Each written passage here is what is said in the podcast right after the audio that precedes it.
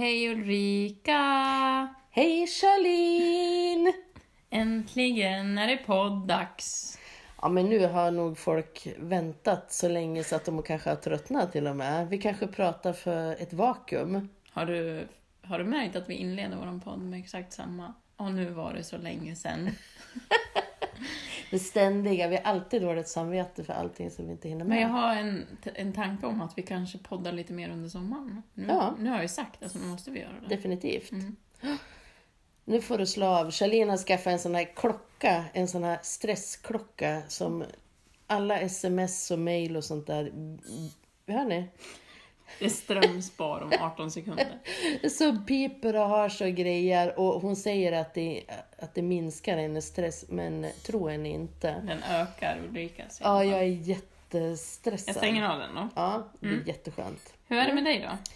Det är bra. Två dagar kvar till semester. Ja, för mig också. Ja. Känns som en, en... eh, Jag har städat idag i, i bokhyllan och, Ja. och slängt en massa saker i Jag, ju, pappersåtervinning. jag, och... pi- jag pikar ju i arbetsmängd, det gör jag egentligen inte, men det känns så för att man är så nära semestern och det är ganska mycket som behöver vara klart Mm. innan. Och du ska liksom byta i bana. Ja, Ja. jag jobbar två dagar och två veckor i augusti, sen är jag student igen. ja. Plus lite jobb, men inte lika mycket som nu då. Ja, och oppositionsråd. Lite Precis. så. Ja, Mm, lite del. allt möjligt är det. Lite allt möjligt. Lite Men pyssel du och ska knåp. också plugga. Ja, det ska jag. Vi Fast blir jag ska jobba. studenter. Ja. Ja, vi blir studenter båda. Men vi fortsätter med allting annat vi gör. Men vi Mm. blir studenter också. Men nu ska det bli skönt med semester, för jag känner att nu är det mycket. Mm. Och det har varit mycket under det här året. Mm. Valrörelse och allting. Mm. Jag tänkte bara för att kanske om vi, om vi har några lyssnare kvar efter den långa väntan så kanske några eh, funderar hur det har gått med budgeten som vi skulle göra. Ja. Så vi var liksom lite så här, inte oroliga men eh, Mm. Det, var spänd ju, förväntan. det, det var ju ett otroligt jobb Mm. som vi la ner på det och roligt för vi lärde oss mycket. Vi har ju aldrig gjort en egen budget innan. Här i Hudiksvall eh, så har vi ju suttit och eh, liksom i opposition och majoritet tillsammans med Socialdemokraterna så vi har alltid gjort en budget ihop med dem men nu Mm. gjorde vi en själv. Mm. Den gick ju inte igenom, tyvärr. Mm. Men eh, vi har ju vunnit mycket. Alltså vi kan ju använda det här arbetet hela mandatperioden med att Vi fick skriva. lite bifall. Va? Centerpartiet yrkade bifall till någon att-sats vi Mm. hade om arbetsmarknaden. Sen om man får säga det när man kollar igenom de andra budgetarna så var ju våran bäst. Ja, det är klart.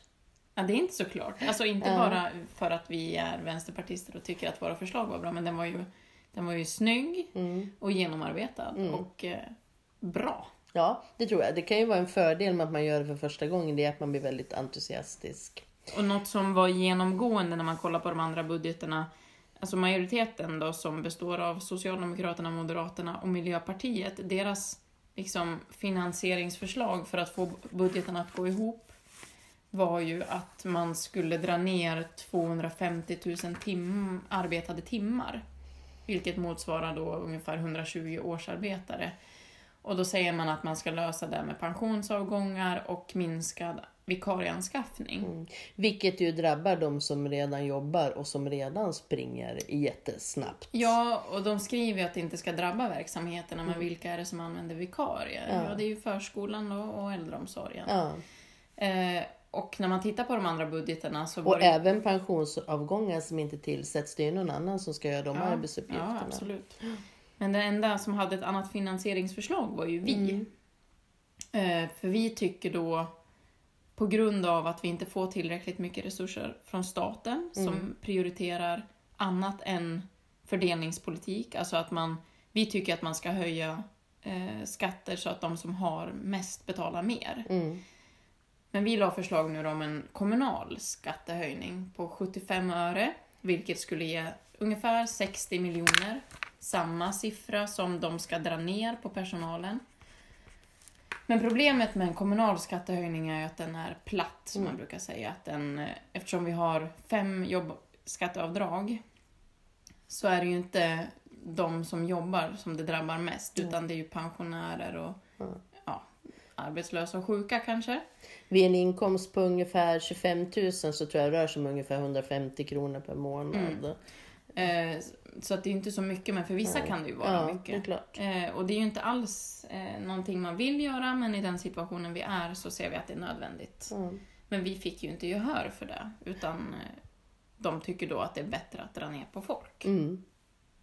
Men, Man, eh, man ska ju också säga det att eh, den budget som är i... När, när vi förhandlade förra mandatperioden, Vänsterpartiet på nationell nivå med regeringen, med Socialdemokraterna och Miljöpartiet, så drev ju vi tillsammans med dem igenom stora reformer, bland annat 10 miljarder per år till regioner och kommuner, Mm. alltså sjukvården och kommunerna. Eh, Det där var ju jätteviktiga och efterlängtade pengar. I det kaoset som var efter valet så passade ju eh, KD och M med stöd av SD på att eh, få igenom, driva igenom i riksdagen det som kallas för servettbudgeten. En hastigt nedkastad eh, skiss, eller vad man ska säga, där de tog bort alla sådana här stöd. Mm. Så att eh, stödet från, från staten är ju jätte, jättelitet. Ja, Eller alltså- stödet, men, men omfördelningen från staten är ju jättelitet. Samtidigt som man drar in på saker som Arbetsförmedlingen plockar man bort. Men de sakerna ska fortfarande drivas, men av kommunerna. Men det finns inga pengar. Men även sen då när den här nya budgeten, alltså justeringen kom av budgeten från Miljöpartiet och Socialdemokraterna med stöd av L och C, Ja. så kom ju inte pengarna tillbaks till Nej. mycket av det som togs bort. Nej, för det var viktigare att prioritera sånt som man tyckte, sånt, sånt som var deras hjärtefrågor då, som att ta bort värnskatten till exempel, en extra statlig skatt för de som tjänar över 70 000 i månaden. Men man skickar inte Och det var- tillbaka pengar till Arbetsförmedlingen bland annat. Nej, precis. Men man kan ju också säga att värnskatten motsvarar ungefär 9 miljarder. Alltså det är den här pengasumman då som, som man har skickat de här välfärdsmiljarderna då. Och det blir ju så himla paradoxalt i en tid där Sverige går otroligt bra. Alltså, s- ett Högsta BNP någonsin. Ja, men ändå så går varenda kommun på knäna. Vi märker ju den när Danderyd höjer sin kommunalskatt. Ja. Och då är det ju en, en kommun som Danderyd som har det väldigt bra. De ligger ganska nära. Alltså det, det, är, inte, det är inte Vilhelmina liksom. Eh, som får mycket av sin service ändå. Alltså Danderyd och inte Vilhelmina. Nej. Men, eh, Vet, jag förstår. ja, men de höjer ju skatt. Nu har ju de en väldigt låg skatt ändå. Men Mm. det blir ju många kommuner som tvingas göra det här. Mm. Eh, och då blir det den här platta skatten som istället för att om man höjer de statliga skatterna eller behåller till exempel värnskatten och höjer andra statliga skatter så hamnar det på den kommunala skatten och landstingsskatten som läggs på de som har det sämst. Främst de som inte har jobbskatteavdrag då. Ja, precis. Och när man tittar då på nationell nivå så är det ju faktiskt bara Vänsterpartiet kvar nu. För M, KD, SD, första budgeten, och sen S, MP, L, C, andra budgeten. Vi har ju stått utanför hela tiden. Liksom. Det är frustrerande Ja. när man ser allt som behövs göras på kommunal nivå, men det räcker inte till. Nej, och jag tänker de här, den här budgeten nu som man röstade igenom på fullmäktige, kommunfullmäktige här i Hudiksvall i, i förra måndagen. Ja, Jag tänker så här, om, om jag hade varit med och röstat igenom den så skulle inte jag sova jättegott på nätterna för det är noll i uppräkning till nämnderna. Vad betyder uppräkningen? Ja, alltså priserna stiger ju och lönerna stiger ju varje år oavsett om kommunen ska spara eller inte. Eh, och eh, då får man ett index på det. Det är ungefär som det här konsumentprisindex fast lite annorlunda. Men ett sånt index kommer det varje år och för 2020 så ligger det på ungefär 3% Men i Hudiksvall har man satt summan noll då. Och det betyder att man ska spara 3 eh, på till exempel social och omsorg som har en omsättning på en miljard. Ja. Och de går redan in liksom i 2020 och ligger back. De går ju minus, har gjort det flera år. Eh, redan innan och så ska man spara ännu mer. Och vilka är det som får, som får betala för det här? Mm, jo, det är ju de som jobbar. Också då att vi står inför en framtid med fler äldre. Vi har en demografisk utveckling som jag inte vet hur vi ska klara med de människor som jobbar inom kommunen idag och så ska vi bli färre. Ja. Jag förstår inte den, hur man ska gå Men liksom, att möta framtiden med mod. Liksom. Nej. Nej, vi tror att människor kommer gå sönder. Mm. Så är det. Mm. Därför tycker vi att eh, vi är nödd och tvungen, och, eller vi var nödda och tvungen att räkna fram den där skattehöjningen. Ja, för att även om majoriteten nu tänker annorlunda, att man ska bli färre, så räcker ju inte det. Det räcker ju inte med en skattehöjning som vi föreslog Nej. heller, utan man måste göra saker. Och det kommer bli så att oavsett nu då att de ska dra ner folk, de kommer behöva höja skatten om ett år ändå. Då är det väl lika bra att börja med det, Ja. så att folk ändå kan få andas ett tag. Visst. Mm. Nej, och eh, det kommer behövas skäras i verksamheter och välja, eller plocka bort verksamheter. Och jag tycker som politiker, då måste man våga ta det där ansvaret och välja vad man ska ta bort. Istället för att ständigt, ständigt skicka det liksom tillbaka till, till nämnden och säga att nu får ni spara. Det som kallas för hyvla då, de här procenten varje år. Eh, till slut så går det inte längre.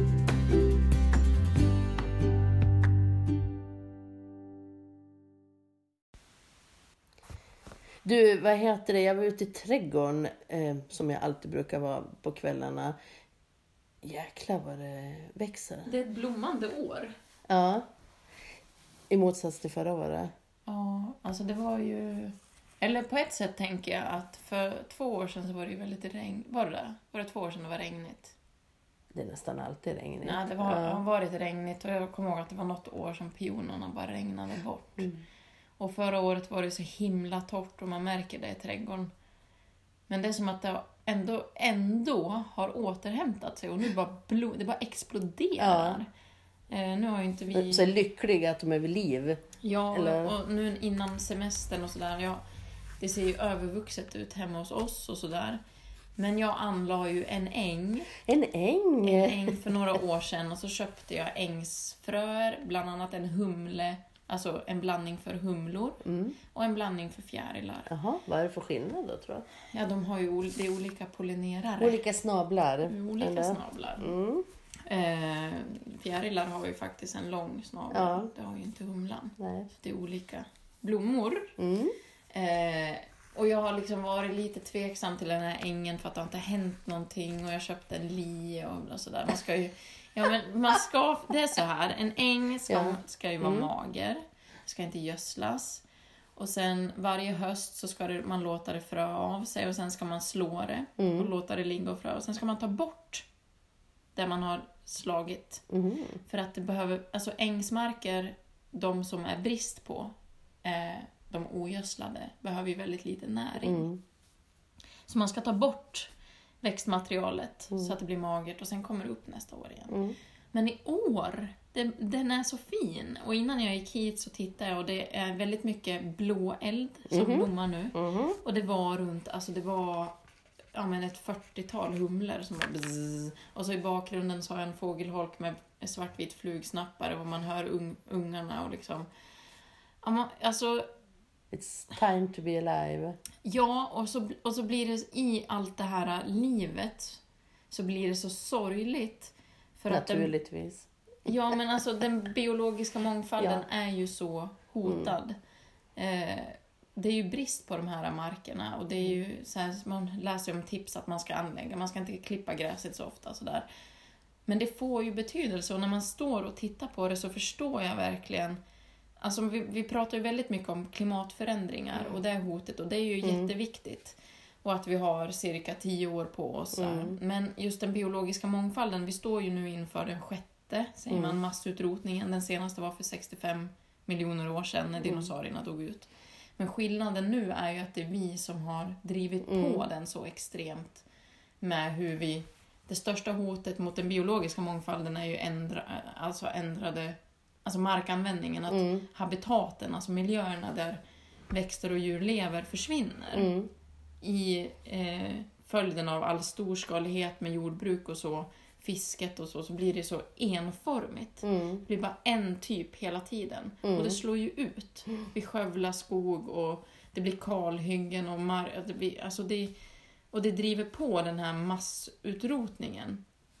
Eh, och det är ju livet. Mm. vi är ju beroende av det. Även om vi bekämpar liksom klimatförändringar, om vi inte har den biologiska mångfalden, så finns vi inte. Nej. Försvinner våra pollinerare så har vi ingen mat. Nej. Eh, och, och, ja, det, ja, det, Ja, och jag tänker ännu mer liksom en insekt som en fågel äter, som en Ja. annan äter och det är ju en enda det är ju det här cykel. Nätet man har fått lära sig i skolan på naturkunskapen, att man såg hur allt hängde ihop. Ja. Men i det nätet så ritade man ju aldrig in människan, men vi är ju exakt lika beroende av att det här fungerar som alla andra Ja. arter. Eh, och att eh, det är ett sånt stort hot som vi pratar så himla lite om i skuggan då av klimatförändringar. Men du, är, men är inte det också typiskt i debatten att man liksom kan bara ha en, en tanke i huvudet Ja, samtidigt? visst. Men jag tänker också att eh, det är svårt för människor att veta. Jag tänker på en, jag såg ett par konstiga insändare, som jag tycker är konstiga, men de tycker inte de som har skrivit dem naturligtvis. Insändare i lokaltidningen. Mm. Eh, den första var så här, som var jätteupprörd över, över strand, strandskydd. Man ska väl få bygga vad man vill på sin egen tomt och att, att det skulle liksom skydda några arter. Han hade då minsann sett väldigt mycket strandtomter i sina dagar och det var ju inget särskilt med dem. Får jag gissa, var han en, en man i, en vit man i medelåldern? Ehm, det- Jag vet inte, Ja, men det går ju att gissa det. Mm. Jag tror han skrev att han var över 60 år eller sådär. Men, men eh, jag tänker samtidigt att det är lätt att skratta åt det när man har kunskap. Men han har ju inte kunskap att skilja på vad det är han ser. Han ser ju säkert växter där. Mm. Eh, men han förstår inte att det behövs kanske andra växter eller att det har förändrats. Eller... Eller att ha betydelsen för livet i vattnet. Ja, liksom. eller, eller, och nästa som jag läste skrev om nu, vad är det för lupi, antilupinhysteri som brer ut sig? Lupin är ju jättebra och då får ju alla humlor och sådär eh, där de vill ha. Mm. Eh, var glada att det finns lupiner ungefär. Och då säger ju också, det handlar ju om snablar, Mm. att man ska, Mm. att det räcker in- det, alltså eftersom det är en amerikansk art, lupinen, så är våra pollinerare Nej, är liksom inte gjord, gjord för den. Ehm, så de tillför inte så mycket, de bara tar liksom. Ja, de, och, och tar över och Ja. slår ut de här. Som Men det är ju också jättesvårt för människor, att se, för blomma som blomma liksom. Mm. Och hur ska vi få människor att, att förstå och intressera sig för, för växter? Mm, ja, men jag tror ju mycket på att om man kommer i kontakt med det, även om man inte förstår hur allt hänger ihop. Mm. Men även om jag, nu vet jag inte, men även om jag hade varit eh, inte biolog och sett, stått och tittat på den här ängen som jag har skapat själv och sett livet, Mm. så blir man ju påverkad av det. Eller när jag jag tycker om att fjällvandra och Mm. när jag är uppe på ett fjäll så förstår jag liksom att ja, men det är ju det här Ja. det handlar om. Liksom. Och det är det här vi inte får förlora. Ja. Och det är det här jag vill att så många fler ska få uppleva. Men vi är ju inte intresserade av det där idag-. Vi vill liksom åka till Thailand och sola och... Men jag tänker också det, det är ju vad man ser i sin vardag. Om man bara ser monokultur, om man bor inne i en stad, vilket många gör, eller en tätort. I Hudik tror jag det är, vad är det, 80% som bor i tätorter. Eh, så ser man ju bara klippta gräsmattor i princip. Möjligtvis någon liten rabatt med rosor eller, eller berberis eller någonting sånt där i. Eh, och vad heter det, man vet inte det andra. Jag, jag tänker att man måste liksom undervisa människor i det här. Jag tänker människor som kommer hit från andra länder. Hur ska de veta att det heter kattfot och rödfibbla och allt det här för att man ska kunna vara rädd om det? Jag tror jättemånga av mina vänner som, som inte vet det också. Nej, och så liksom. liksom köper robotgräsklippare och, och det liksom, man ska tävla i att ha renast. Ja, och spraya round, Roundup på Ja, plattorna. precis. och- Ja, men eh, jag tänker att min lilla äng på Skeppsdalsvägen kanske någon annan ser. Och eh, blir inspirerad, eller jag vet inte. Det jag kanske, jag tänker att folk tycker säkert att det ser skräpigt ut. Ja, men jag tänker att man kanske vänjer sig vid tanken. För jag tänker det här med humleholkar och insektsholkar. Det har ju slagit. Det tycker folk är mysigt liksom. När jag satte upp min för första gången. Då hade vi gäster här på besök och dottern i familjen skrek bara Odlar ni eh, bin eller odlar ni getingar? De förstår inte Nej. vad det är och då måste man ju förklara det. Jaha, säger de och så kanske de skaffar sig en holk liksom. Och jag tänker också, jag hörde en, en äldre man som sa häromdagen i, i, i fullmäktige faktiskt som klev upp och sa att vi kanske ska sluta slå våra eh, allmänningar, kommunala allmänningar. Både spara pengar och bidra till den biologiska mångfalden. Mm. Alltså, eller sluta klippa och börja Mm. slå dem en Mm. gång om Mm. året istället. Så att jag tror att tankarna kanske börjar... Vi måste tjata om det, tänker jag. Ja, men ja precis. Men i, i, i det så, det, jag känner en så stor sorg Mm. över att, ja men lite som du sa, att man inte kan ha två tankar i huvudet samtidigt. Att vi, alltså klimatångest tror jag många har, Mm. men jag tror det är egentligen förlorandet av liv som man pratar om Mm. när man pratar klimatångest. Mm. Att man blandar ändå ihop det, Mm. men man pratar om klimatförändringar. Och visst att klimatförändringar har eh, betydelse för den biologiska mångfalden, men det är ju framförallt hur vi brukar våran jord och vad vi gör Mm. med våran mark som Mm. påverkar. Faktiskt. Ja. Eh, så även om vi börjar köra elbilar och eh, slutar med all annan liksom, Mm. utsläpp så kommer den biologiska mångfalden, om vi inte ändrar på andra saker, försvinna. Nu måste jag, jag måste få prata om en insändare till som jag Ja, läste. eh, då var det en bonde som, som eh, antar jag, eh, som skrev och tyckte att eh, det var väldigt dumt och, och att kommunerna och regioner och sådär upphandlade ekologiska varor. För de kunde komma från Europa. Eh, ut, alltså längre bort ifrån och, och även utanför Europa. Då. Eh, och att man inte handlar närproducerat liksom, istället. Eh, men då tänker jag så här, varför börjar inte bönderna lokalt odla ekologiskt? För det finns ju en väldigt stor efterfrågan idag. Eh, Alltså, det vet är- du det? Ja, alltså jag är ju... Det, blir, det är ju väldigt polariserat kan man säga det här. Ja. Alltså nu om jag generaliserar bönder så, och det, jag vet ju att det är ju mycket regler som försvårar, bland annat på EU-nivå liksom. Eh, Att man konkurrerar ju inte bara med svenska bönder utan hela Europa. Mm. Och eh, vi har ju ganska höga krav på vårt jordbruk och Mm. djurskydd i Sverige. Även inte ekologiskt liksom? Ja, ja. men eh, det är ju mycket bättre med ekologiskt för den biologiska mångfalden. Mm. Eh, men då blir det, det blir ju en ekonomisk Ja. fråga. Eh, och eh, idag så kan man ju bli certifierad på olika vis och det är också dyrt. Ja. Jag, jag känner ju en del bönder som odlar ekologiskt men inte är certifierade. Eh, och då säljs det inte som Typ ekologiskt. på krav liksom? Ja, för eller? Krav är ju Ja. ett företag liksom, och, en, och dyrt att bli så. Men eh, samtidigt så tänker jag att man får väl, vi får väl fokusera på att ändra reglerna. Att det, det, ska vara, det ska ju vara dyrare att göra det som förstör. Ja. Det som är dyrt för planeten ska vara dyrt i plånboken. Ja. Jag tänker, ja precis. Det är ju alltid någon som betalar i andra änden Mm, liksom. mm. Ehm, ett, ja, mm. Eh, jag tänkte också på en, annan, en artikel som jag läste. Apropå polarisering så blir det ju an, eh, unga människor idag är det väldigt många som äter vegetariskt. Mm. De kanske äter kött ibland men större delen äter de vegetariskt. Sen så finns det också de som är väldigt anti och aldrig skulle vilja gå över, bara man säger vegetariskt. Mm. Eh, så att det finns någon slags politisk eh, laddning i vad man äter. Mm. Men jag tänker ändå, de ungdomar som jag stöter på så är det väldigt många som inte tidigare har tänkt kanske på vad de äter men som väljer vegetariskt. Och nu såg jag några killar som hade börjat, eh, de började odla gulärtor i Skåne. Mm. Plocka fram en gammal sort som hade varit foderärt som Mm. man odlat till djur. Och så pratade de med Coop och så bestämde de sig för att utveckla produkter, två stycken produkter ur Mm. Den här. Och det är väl så det ska vara. Och Mm. Coop hade heller inte jobbat med så små volymer som 15 ton eller vad Nej. de pratade om tidigare. Liksom. Så det var nytt för dem också. Men jag tänker att det finns ändå någon slags hopp. Det finns Ja, nya tankar liksom. ja jag har ju varit, jag har ätit vegetariskt väldigt länge. Mm. Och det har, det har, under min tid som vegetarian har det hänt otroligt mycket. Inte bara vad man kan handla, men också synen på det. Att man behöver inte vara hel vegetarian.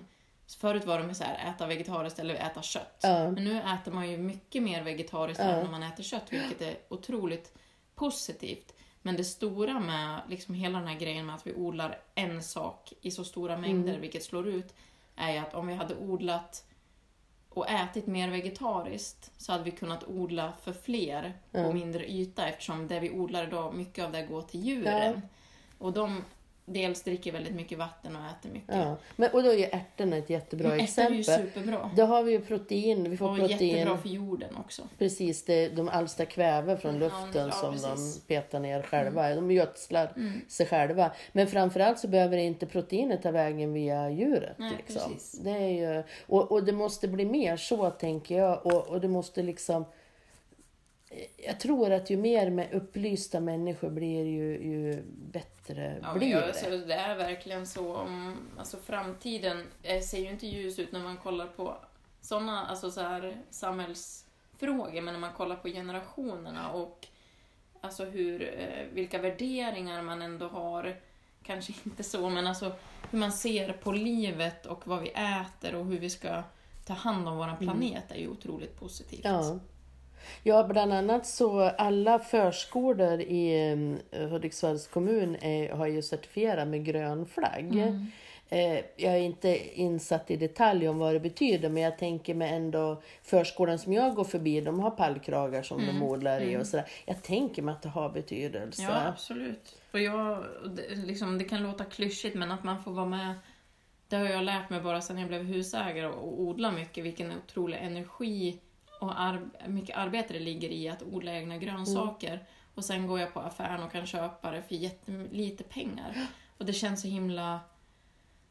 Åh, det blir så tungt på något vis. V- Vem är det som får betala för det här egentligen? Och att, man, att jag försöker ha med min son då när jag odlar och så att, han får, att man får respekt för maten. Ja, visst. Och även då, jag säger inte att man inte ska äta kött så man gör det, men att man gör det till lyx kanske. Ja.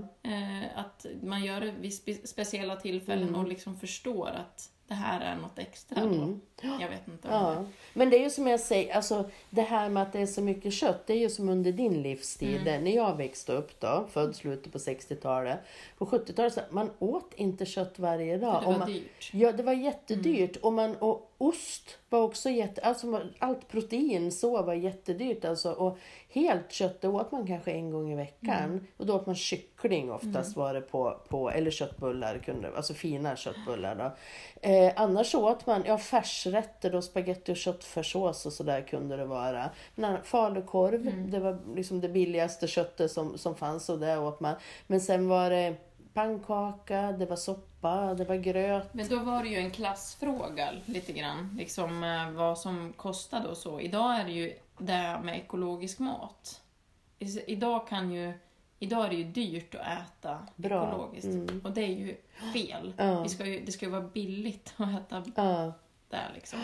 Det ska ju inte vara beroende på hur mycket... Men jag tänker de här bönderna då, här som tycker att eh, de känner sig ja, inte vet jag, hotade eller vad man ska säga av, av på olika skäl. Jag är inte lika insatt i det som du. Men jag tänker, att ska inte de kunna få stöd eller hjälp till att ställa liksom om till ärtodling eller vad det nu kan vara, här bra odling Ja, men alltså då? vi, Vä- Vänsterpartiet har ju sådana förslag. Vi tycker till exempel att man ska satsa mer på gårdsslakterier. Ja, För det är ju jättemycket djur nu som får transporteras jättelång tid. ja, Eh, och liksom hållbar odling. mm, Eh, att vi ska liksom bruka jorden. Det är ju en hel, jag är väldigt nördig i det här. Men Mm. alltså att vi, idag så brukar vi våran jord vilket släpper ut väldigt mycket och utarmar. Och så fyller vi på med bekämpningsmedel och så här. mm, konstgödsel. ja, precis. Ja. Än att man tar, tar hand om det. är samma sak med skogsbruket. Att vi, Mm.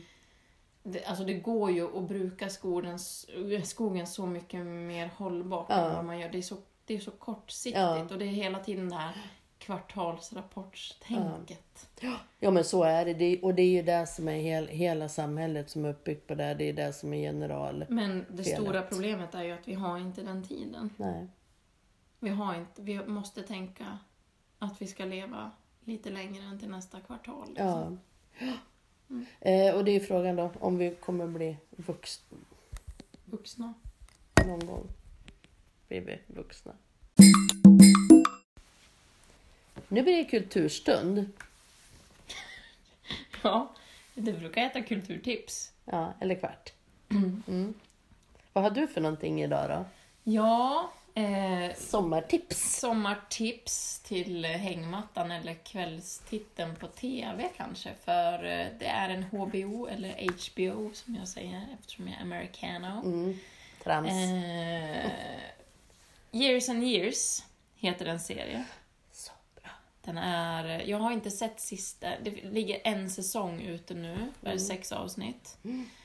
Och den har gått nu under några veckor, kommit ett avsnitt varje onsdag och jag har inte sett sista, men det är en eh, brittisk serie, visst är det? Mm. BBC-produktion. BBC. Eh, Russell T Davis heter han som har skrivit den. Han har gjort eh, Queer as Folk Mm.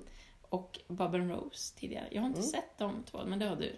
Ja. Mm. Och de är bra också. Och super, super, super, superbra. Och den här Years and Years, där är bland annat Emma Thompson med. Eh, och hon är ju otroligt skicklig. Men det är, eh, de lyckas liksom på något konstigt vis att fånga väldigt många olika samhällsproblem som vi står, eller utmaningar kan man säga, som vi står Ja, du är inför. politiker så det säger man utmaningar Ja. och problem. Ja. Eh, men det är bland annat liksom Brexit och Trump och klimatförändringar och flyktingar och Genteknik, digitalisering och övervakningssamhälle. populism, alltså hur politiken drivs av populism och, eh, och hur de lyckas göra det så bra, tycker jag Ja. är fascinerande. Mm. Jag, du tipsade ju mig om den här serien och jag var lite tveksam, men jag, alltså man är ju man blir ju otroligt berörd av det. Och Den är ju den är ju tung på det här viset att eh, de säger det- man börjar idag och så utspelar det sig 2025 och framåt. Och i något tillfälle så säger de, jag kommer du ihåg när det fanns fjärilar? Mm. Och det blir så här, det slår rakt i hjärtat. Det, är bara, det är Mm. så här det kommer bli om vi inte gör någonting. Mm. Vad tycker du om den serien? Samma som du. Mm. Ehm, tänkte bara säga att den utspelar ju, det är egentligen en familjehistoria om fyra syskon. Och så ändå får den in alla de där grejerna. Mm. Han är ju en väldigt skicklig manusförfattare. Ja, för de är ju inte i ett, det är inte som en serie som utspelar sig i politiken, utan det, är, det är en helt vanlig familj. Liksom. Och sen är den oförutsägbar och det kan vara ganska skönt om man tittar på mycket Ja. serier som en annan gör så, eller jag då, Mm. eh, gör. Då vill man gärna att det ska vara oförutsägbart. Det blir överraskande. Det är lite svårt att sluta titta på den nu när det finns många avsnitt kanske. Men eh, det var jobbigt när det kom ett avsnitt i veckan tycker jag. Mm. Men Ja. varför, ska man se, varför ska man se den tycker du? Nej men jag tänker att man, eh, även om den är tung, så får man ändå lite hopp. Att de tar ändå upp de här sakerna som är viktiga att kämpa för. Alltså men familjen och den Fjärilar. fjärilar och livet. Liksom att, eh, vad har vi om vi inte har det? Mm. Alltså varandra och eh, det, vi gör, det som gör att vi kan leva. Mm. Det tycker jag var en väldigt bra sammanfattning. Ja, bra. Vad har du för tips? Ehm, jag tänkte ge så här hängmatte-tips. Även om jag är in, min rygg tillåter inte hängmatta längre. Det, det är inte så bekvämt egentligen. Det ser skönare ut än vad det Mm. är. Men man ser så liksom otroligt klumpig ut när man ska ur dem. Liksom. Så jag tänker att man inte kan ta sig ur den utan att ramla på backen. Nej, så är det. Mm. Eller, eller krä, kravla ut liksom på något vis. Så avstå från det och, och ta en hammock. Eh, hammock är bra. Det är ultimata sommarmöbeln. Mm. Eh, nu har min hund fisit så Charlene sitter här och gör I grimaser. Shh, Patte. Eh, men i alla fall, då tänker jag prata om en klassisk författare eftersom jag har en podd ihop med en ung väldigt ung människa. Eh, så har ju hon missat en del väsentlig läsning från 90-talet. William Gibson. Eh, skrivit flera trilogier. Eh, två stycken är... Är det deckare eller? Nej. Mm. Science fiction. Ah, Okej. Eh, två trilogier och några strögrejer är översatt till svenska. Resten får man köpa på engelska. Eh, han är väl inte lika produktiv idag. Men det här som han skrev, det börjar med Neuromancer. Eh, och så börjar man så här, himlen över, över eh, om det står staden eller kajen, såg ut som vad heter en TV inställd på en död kanal. Eh, d- Död, eh, otroligt bra. Eh, och eh, det här handlar om, liksom, handlar om internet före innan jag förstod vad internet var. Och, och han, det är jättemycket saker. Cyberpunk kallas den här Okej. eh, kategorin för.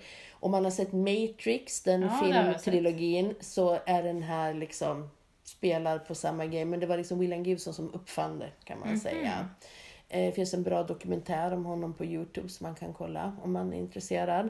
Men det här rekommenderar jag, det här, och det här är som att kliva in i en annan värld. Och i den här världen det finns det liksom inga landgränser utan det här fin- är det bara stora, stora företag.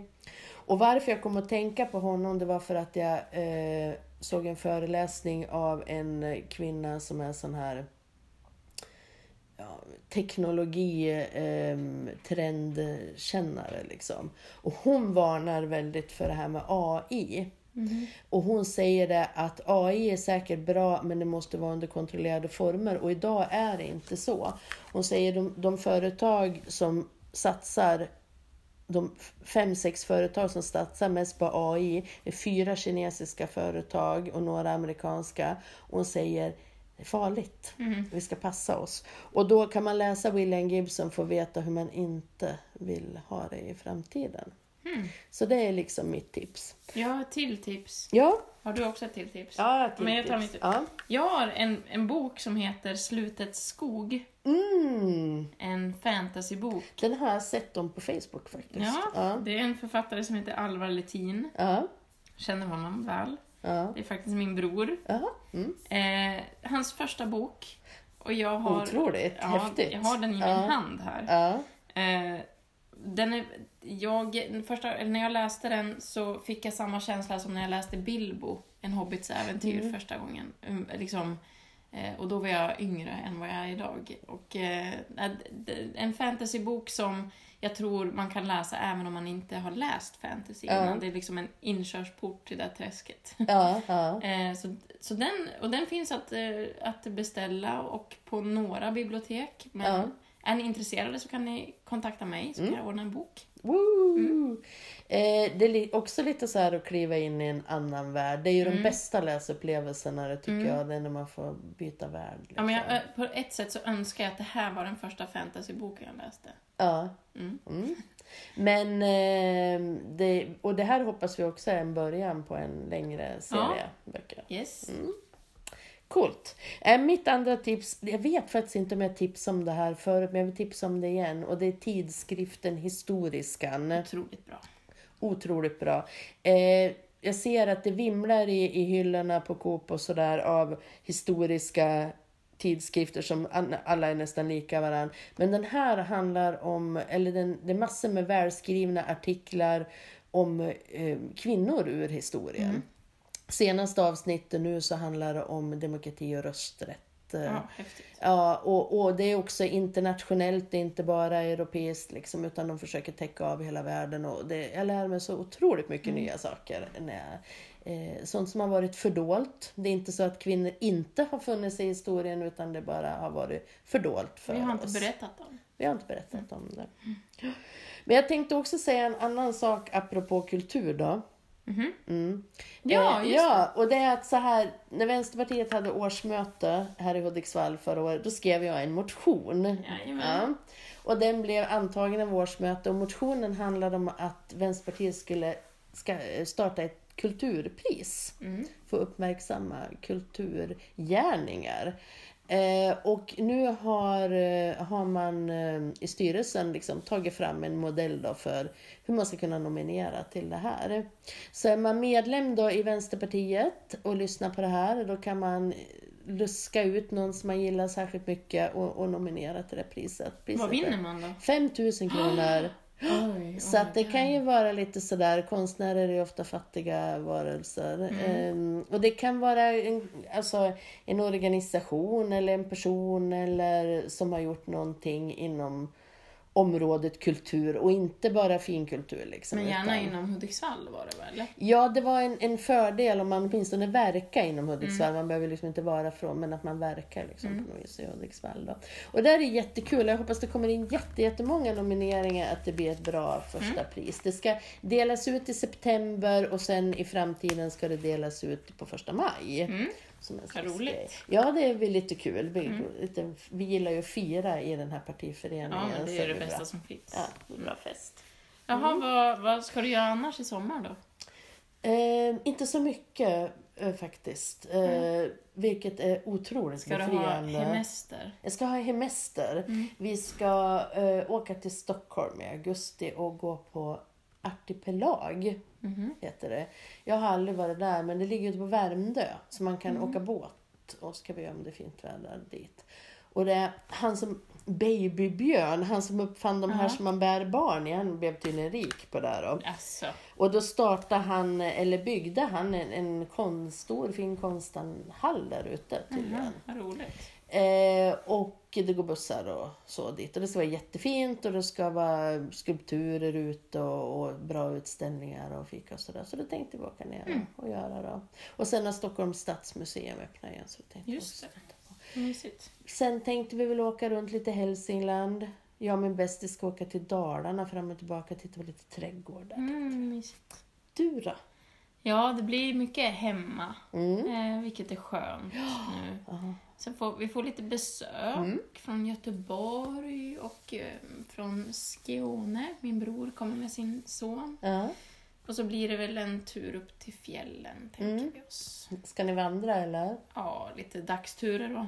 Men hur är det Andas. att, att vandra med den där lilla knoppen då, som inte är så liten längre?